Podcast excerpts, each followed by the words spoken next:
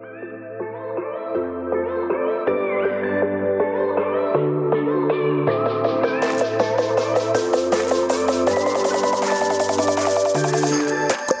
och välkommen till ett nytt avsnitt av Kristen i skolan-podden. Den här podden produceras utav Ny Generation som är en rörelse av kristna ungdomar som tar med sig Jesus till sina skolor. De senaste två avsnitten så har ni fått höra predikningar från det här eventet som Ny Generation gjorde för eh, ett litet tag sedan i Annexet Stockholm som då hette 2022 för en ny generation.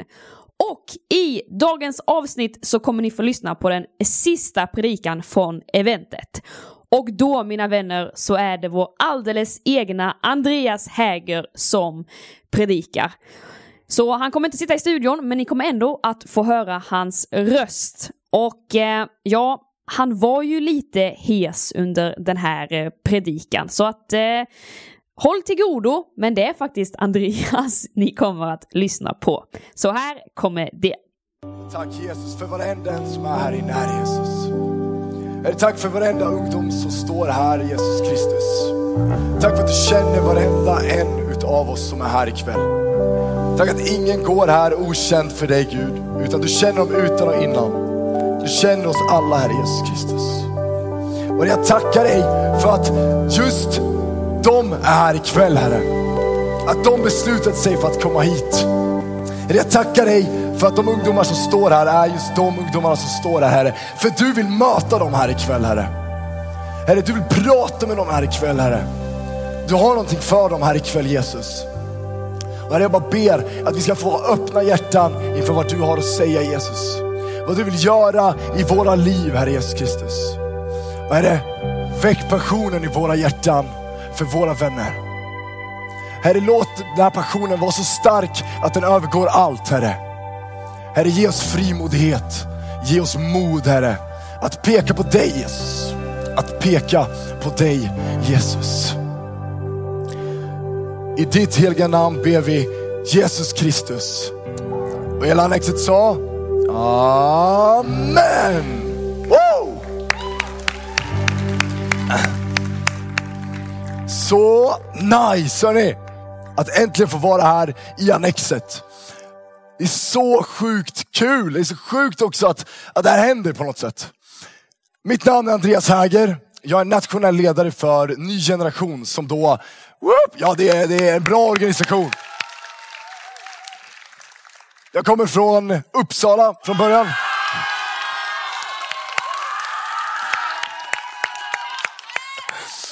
Ja, de är väldigt härliga de där. Det gillar man verkligen. Så bra. Och den här helgen, det här eventet som vi nu har haft framför oss. Nu är vi inne, redan inne i closing service. Vi är redan inne i det sista kvällsmötet. Den här helgen har legat på våra hjärtan. Vi som jobbar inom ny generation sedan 2019. Hösten 2019 så kände vi att ja, vi vill samla unga människor från hela Sverige. Vi vill samla unga människor från alla kyrkofamiljerna och samlas på ett ställe för att fokusera på en sak. Och det är att ta Jesus till skolan. Sen kom en pandemi som ingen av oss kunde se och behovet av att få mötas blev ännu större. Så det har legat här och grott för oss. Så att det här sker, det är verkligen helt galet. Det är helt sjukt stort att det här händer. Och Det är så fantastiskt vad Gud har gjort redan under den här helgen. Jag ser fram emot vad Gud kommer göra den här kvällen. För det står ju på det här eventet 2022 för en ny generation. För att vi tror på en ny generation. Vi tror på en ny generation som vill tala ut sanning istället för lögn. Vi tror på en ny generation som vill ta, dela ut kärlek istället för hat. Vi tror på en ny generation som vill lyfta namnet Jesus istället för att bara lyfta sig själv. Vi tror på en ny generation som väljer att sätta andra människor framför sig själv. Vi tror på en ny generation som väljer att sätta Jesus som nummer ett i sitt liv. Vi tror på en ny generation som Gud och Jesus älskar och tror på.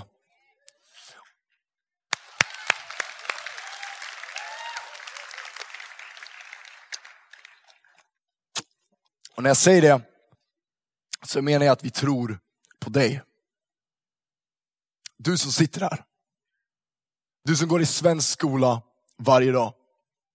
Den platsen du kanske inte tänker är en plats av mirakler. Eller en plats där saker och ting kan hända. Eller en plats där Jesus vandrar med dig varje dag. Det är dig vi pratar om. Det är dig vi tror på. Det är för dig hela den här grejen händer. För att vi tror på dig. På riktigt. Men inte bara vi, utan vi är övertygade om att Gud tror på dig. Helt övertygade om att Jesus tror på dig och vill använda sig av dig i din vardag. 100 procent. Liksom, Millan berättade lite grann innan om vem jag var, mina, de här tre pelarna. Kommer du ihåg dem? Discgolf, Sagan om ringen och kristen hiphop. Precis, Gud, ja det är bra. Och alltså jag älskar verkligen eh, Sagan om ringen, jag älskar Marvel, jag älskar Star Wars. Har vi några sådana fans som gillar de där? Yes, come on, bra, bra, bra, nice! Jag älskar verkligen sådana rullar, jag älskar sådana filmer, jag älskar sådana stories.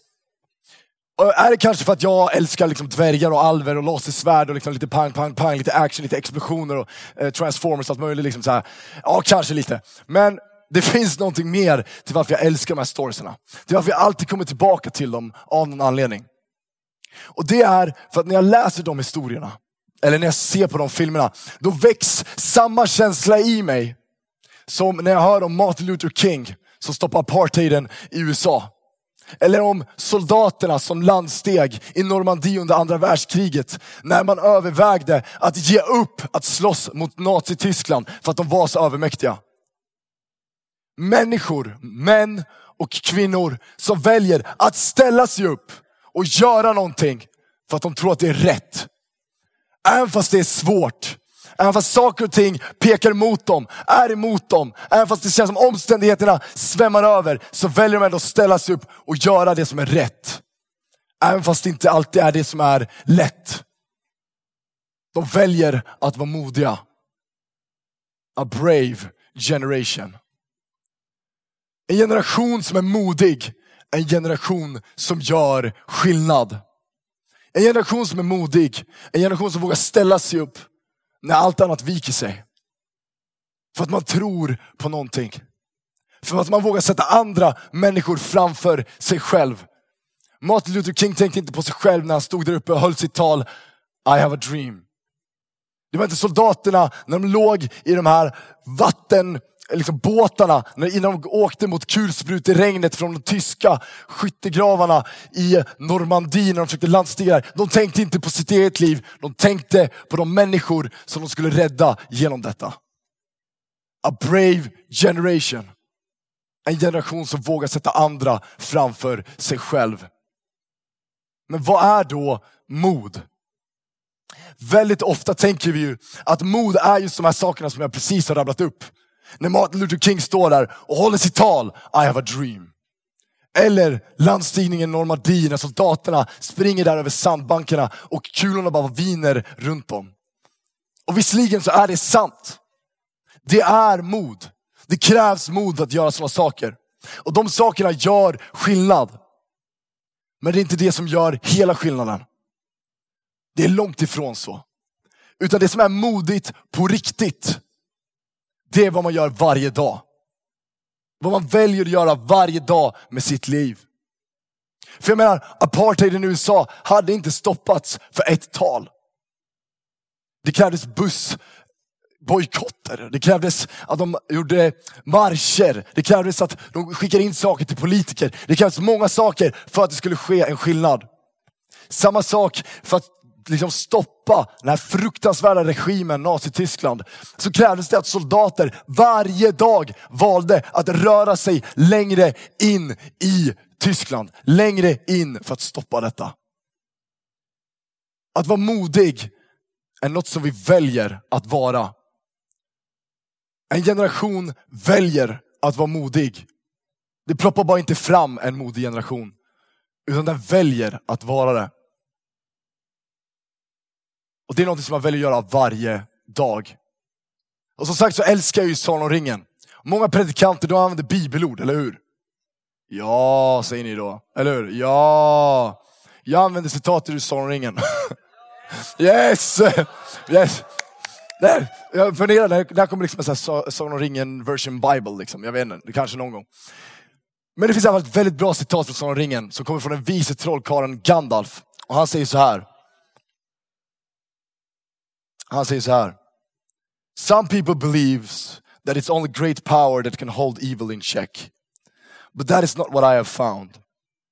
I have found it's the small things, everyday deeds of ordinary folk that keeps the darkness at bay. Simple acts of kindness and love. Det vi väljer att göra varje dag, det är någonting som gör skillnad på riktigt. Det är att vara modig hela vägen. En kille som fattade det här, det var en kille som hette Ludvig Strand. Han kom från Stockholm. Ludvig, han skickade ett brev till oss på Ny Generation efter att han hade gått klart gymnasiet. Där han beskrev sin process i hans liv lite grann under högstadiet och gymnasiet. Och han sa så här. Att när han började högstadiet, då hade han en vision. Han hade en dröm. Som jag tror många här inne delar. Att vilja se sina vänner möta Jesus. Det vill vi göra, eller hur? Ja, såklart vi vill det. Och han tänkte när han klev in i, högstadiet, nu kör vi. Nu gasar vi. Ni vet som man brukar vara, så här, bara, yes nu, let's go, nu händer det liksom, nu är det dags. Så han klev in, han började liksom ta debatter med sina polare. Han började övertyga dem om att kyrkan, den är cool och häftig. Vet du. Kolla, vi har massa lampor och grejer, så här, liksom, skärmar. Liksom. Kolla, det är ashäftigt. Liksom. Han liksom började försöka liksom forcera in sin liksom, åsikter och sin livsåsyn in i sina polare. Han försökte liksom ta de här fåtaliga instanserna och tänkte att det kommer få dem. Om jag bara överbevisar dem, om jag bara är tillräckligt bra på det här, om jag bara kan tillräckligt mycket, då kommer de komma till tro. Det här gjorde Ludvig i tre år under högstadiet. Inte en enda av hans polare mötte Jesus. Inte en av hans polare valde att ge sitt liv till Gud. Och det här gjorde såklart Ludvig förtvivlad. Så när Ludvig ska gå in i gymnasiet så tar han ett beslut. Han säger Gud, nu är det på dig. Nu hänger det på dig Gud. Jag väljer att istället för att gå in och försöka övertyga mina kompisar så väljer jag att gå in och älska dem istället. Jag väljer att gå in och leva på det sättet som du har uppmuntrat mig till att leva Gud. Jag väljer att vara genuin i mina polare, att leva som jag lär och se att i Bibeln står det ju att vi ska vara ljus för våra kompisar. Gud, jag väljer att vara det. Ludvig valde att göra så och så kliver han in i gymnasiet. Redo. Visserligen nedslagen, men redo. Så han kliver in i gymnasiet och det går ganska fort ut att han är troende. För att de bastar honom när han sitter och läser en bibel. liksom, det är ganska liksom a giveaway. Liksom. I hate to break it to you. Men han sitter och läser bibeln och ser det och det går ut fort att han är troende. Och under hela det första året i gymnasiet så är folk väldigt restriktiva. Men Ludvig, han har ett kompisgäng tidigare från kyrkan i sin klass. Och han får lära känna en till person i den här klassen. Och det är Klara. Klara mina vänner, hon är en rå ateist. Jag vet inte riktigt vad som skiljer mellan en panerad, eller stekt eller kokt ateist. Men en rå ateist var det här tydligen i alla fall. Som var rå ateist. Och till och med var det så att hon liksom blev provocerad när de talade om Gud i klassen. Och det var lite svårt för Ludvig och hans polare var ju från kyrkan så det var ganska ofta de bara såhär, åh vad ska vi göra till helgen? Ja vi hänger i ungdomsgruppen. Och hon bara, ah! Liksom. Lite grann så. Så att Ludvig går in för att bara älska Klara och inkludera henne som en kompis. Och de blir kompisar. De börjar umgås med varandra. Och den här relationen utvecklar sig och de lär känna varandra ännu mera och in på djupet. Och efter ett tag så hänger Klara med till en söndagsgudstjänst. Vilket kanske inte var ett så smart val egentligen, för att hon blev egentligen bara ännu mer skrämd för vad kristen tro var efter att ha varit med där. Liksom. Och Ludvig kände så här, hör Gud, vad händer egentligen? Gör jag rätt saker? Gör jag rätt väg? Agerar jag rätt här med Klara? Men han fortsätter vara trogen i att älska henne. Trogen i att sätta henne framför sig själv. Och det går ett helt år. Och sen på tvåan på gymnasiet så blir deras relation lite bättre. Den utvecklar sig och de blir bra, väldigt bra kompisar. Ludvig börjar hänga med på Klaras fester, börjar hänga med där hon är, med bara fokus av att lära känna henne ännu mer. Bara inkludera henne i sitt liv. Och i tvåan så börjar även han och gruppen på skolan, och, alltså gänget de kristna där på skolan, valde att börja be för Klara ännu tydligare. Och det är så kul, för när vi förväntar oss när vi ska be för folk så förväntar vi oss att säga, ja Gud, snälla, gör Klara så att hon typ är lite mer taggad på dig. Då förväntar vi oss att så här, vi kommer till skolan och så bara, boom, kommer hon där och bara, hallå, jag vill veta allting om kristen tro nu. Typ så här. Men, ja, men ibland så har vi den förväntan, eller hur? Liksom. Det är så vi tänker. Men det som hände istället då, det var att Klara blev typ ännu mer impulsiv, ännu mer aggressiv, beskriver Ludvig. Han var så här, de var typ, så fort de nämnde Gud, då kunde de ibland flippa liksom. Och bara wow! verkligen skrika typ och springa ut. De bara yo, what is happening? Galet. Men de valde ändå att fortsätta älska henne och fortsätta vara hennes vän. Och de beslutade för att så här, under tvåan att åka ut till ett sommarställe en gång.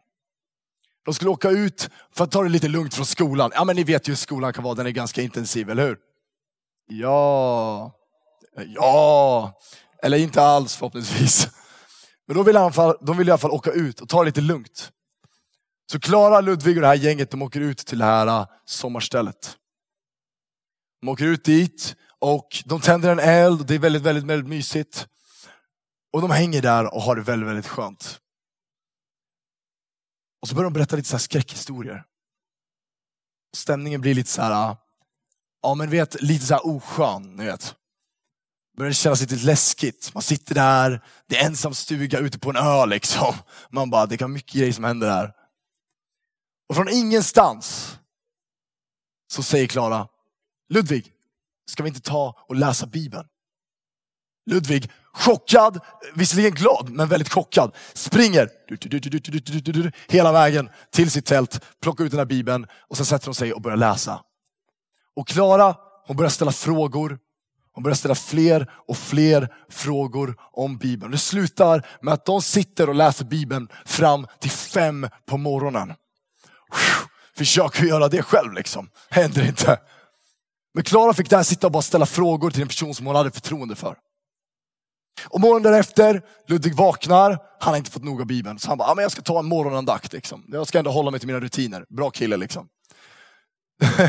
så att han sätter sig och börjar läsa Bibeln. Och då sitter han där och liksom läser sin Bibel. Och så kommer Klara liksom förbi. Och liksom när hon ser att han läser Bibeln stannar hon upp. Och hon bara, va? Har du börjat läsa utan mig? Och så liksom springer dit och sätter sig. Och så börjar de läsa Bibeln tillsammans igen. Och läser flera timmar till. Det här påbörjade en vandring hos Klara. Det här påbörjade någonting i henne. Och Ludvig säger så här om den här händelsen. Jag förstod ingenting av vad som hade hänt. Men det var bland det bästa jag varit med om, att bara se den hungern växa hos en av mina närmaste vänner. Ludvig ger henne en bibel och hon sträckläser evangelierna på en vecka. Alltså, inte som pastor klarar det. Nej, jag ska inte säga någonting. De klarar det på en dag kanske, jag har ingen aning. Det är superbra. Hon blir hungrig och söker efter Gud. Och i sommaren mellan tvåan och trean så väljer Klara att ge sitt liv till Jesus.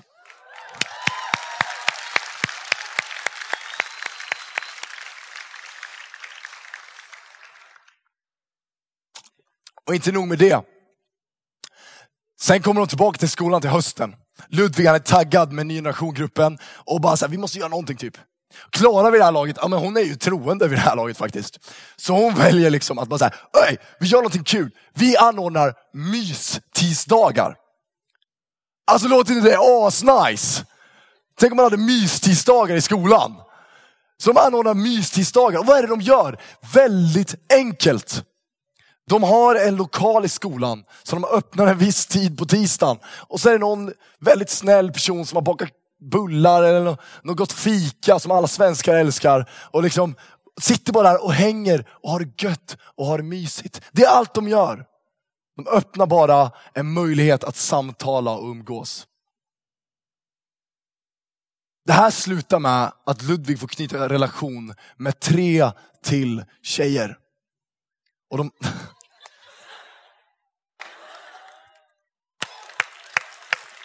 Den var snabb! Den var snabb alltså. Ja, det hade varit en sjuk predikan om jag bara, så grabbar, nej ska jag ja, det hade varit flippat. Eh, nej men han började lära känna de här tre tjejerna. Och de tjejerna under det här året, ett år, trean på gymnasiet, så slutar med att han inte bara får vara med och leda de här tjejerna till tro, utan han får också vara med och döpa de här tre tjejerna under hans sista år i gymnasiet.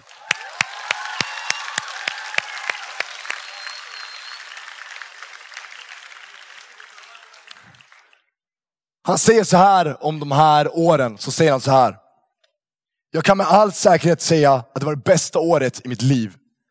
Gud förvandlade mitt liv under det året samtidigt som jag fick vara med och påverka andra människors liv. Det beslutet som jag gjorde på sommaren innan sista året förändrade allt. Jag såg mer än vad jag kunde föreställa mig den sommaren. Det finns ingen större kraft än när man ger sig helt i Jesu händer och låter sig ledas av honom. Allt behöver inte ske direkt, utan det kanske tar några år. Men när man ärar Gud där man är så kommer han att välsigna allt runt omkring. Jag insåg att man inte vinner mina vänner i egen kraft, att forcera in en övertygelse i dem, utan det byggs på förtroende. Jag läste Bibeln och insåg att jag inte behöver göra något annat än att vara ett ljus där jag är. Att faktiskt bry mig om mina vänners liv istället för att försöka visa dem vad jag har hela tiden. När jag älskar mina vänner så är Gud där. Bara den citatet tycker jag är typ en predikan i sig. Alltså. Fantastiskt. Ludvig gjorde inget annat än att älska sina vänner. Han gjorde inget annat än att leva så som Jesus hade instruerat oss att leva. Att inkludera dem, ta in dem i sitt liv. Men du kanske sitter här och tänker den där Ludvig, han låter så sjukt from alltså. Han har ju morgonandakter liksom. Galen kille. Du kanske sitter här och du tänker att du kanske mer känner igen dig hos Ludvig i högstadiet. När han är beat down och missnöjd med sig själv. Du kanske känner dig sprucken, trasig, sårad, att du inte är tillräcklig. Att du känner att det här med Jesus det är en dope grej men jag kan inte komma dit. Jag kan inte vara den som visar på honom för att jag är inte bra nog. Jag har inte läst Bibeln. Jag kan inte be högt i samlingarna i kyrkan. Jag kan inte det här. Du känner dig ofullständig. Du kanske känner dig lite grann som den här biten här borta. Alltså den är inte vacker, eller hur? Let's be honest. Alltså den, vad har den här hemma? Alltså, du lägger ju inte upp den här på ditt köksbord och bara, titta! Ja, men liksom, den är liksom har massa vassa kanter, man kan skära sig på den. Den är bara allmänt trasig och brusten. Och du kanske känner igen dig i den här biten. Du kanske känner igen dig som det här, att du är skört glas. Du har blivit tappad många gånger. Folk kanske har sagt saker till dig. Du kanske har sagt saker till dig själv och du har blivit brusten och du känner att du inte räcker till.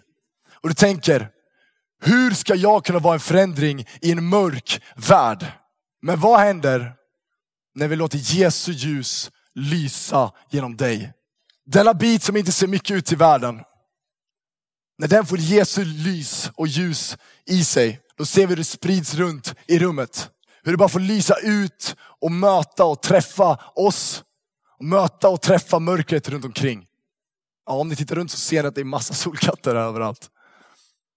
Det här är vad som händer när Jesus får lysa genom dig och mig. Vi är brustna människor. Vi är människor som inte är perfekta. Vi är människor som inte kanske är bäst. Vi är människor som kanske inte duger hela tiden. Men när Jesus får lysa genom oss, då kan vi skapa verklig skillnad. I ett totalt becksvart rum så hade den här biten inte varit någonting. Men i ett totalt becksvart rum med Jesu ljus i sig, så blir helt plötsligt en ljuskälla för alla i rummet. Det är vad du är i din skola. Lovsångsteamet kan komma upp. I Matteus kapitel 28, vers 18 till 19 så står det så här. Då gick Jesus fram till dem och talade till dem. Åt mig har getts all makt i himlen och på jorden. Gå därför ut, gör alla folk till lärjungarna. Döp dem i Faderns och Sonens och den helige Andes namn. Och lär dem hålla alla de bud jag gett er och jag är med er alla dagar in till tidens slut. Ni har säkert hört det här förut. Jag vet inte vad du har för relation till det här bibelordet. Kanske är så att du känner att jag, jag kan inte vara den personen Jesus. Jag kan inte vara den som går ut med ditt budskap. Jag kan inte vara den som bär det där ljuset. För jag själv känner inte att jag har ljus. Jag själv känner att jag inte är tillräcklig. Jag själv känner att jag inte duger. Men det som är så fantastiskt med det här bibelordet, det är att Jesus inte säger gå ut för att jag beordrar, utan han säger jag har fått all makt, gå därför ut. Han säger jag är skillnaden, gå därför ut. Det är jag som möter dina vänners behov, gå därför ut. Det är jag som kan sätta dem fria, gå därför ut. Det är jag som kan ge dem den kärleken som de söker, gå därför ut. Det är jag som kan bryta deras bojor, gå därför ut. Jag har fått makten, gå därför ut. Det är Jesus som är skillnaden. Det är Jesus som gör det stora hela i det här. I Romarbrevet 1.16 så står det, jag skäms inte för evangeliet. Det är Guds kraft som räddar var och en som tror, juden främst, men också greken. Jag menar helt ärligt, varför ska vi skämmas för det här budskapet? Vi känner en man som älskar oss oavsett. Vi vet en frid som övergår allt förstånd. Vi vet om en sanning som är starkare än varje lögn. Vi vet en klippa som håller i varje storm. Vi har ett ljus som kan lysa upp det mörkaste mörker. Vi har ett hopp som kan tala in i de dystraste situationerna. Varför skulle vi skämmas för evangeliet? Varför skulle vi skämmas för denna Jesus vi känner? Så jag säger till er annexet, res er. Res er och sträck på er. Känn att det ni har på insidan spelar roll. Det du har på insidan spelar roll. När Jesus du har funnit spelar roll. Du spelar roll. Dina ord spelar roll, dina handlingar spelar roll. Och säger det här för att lägga en tyngd på dig? Nej, tvärtom. Det är för att jag vill visa dig hur otroligt viktig du är. Låt aldrig någon säga att du inte är viktig. Ditt liv har en mening. Du har ett syfte. Du kan skapa förändring. Men ibland min vän så krävs det mod. Faktiskt ganska ofta. Faktiskt typ hela tiden. Att varje dag våga committa sig till den här grejen. Att varje dag förstå att den här kärleken jag har, det är något jag vill ge ut till mina vänner.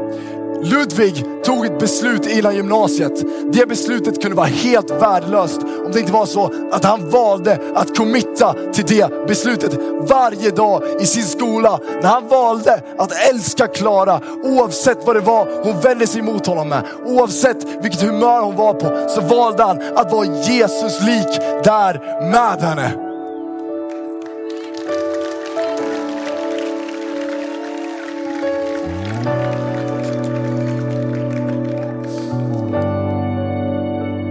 Vill vara en generation som skapar skillnad, då måste vi vara en modig generation.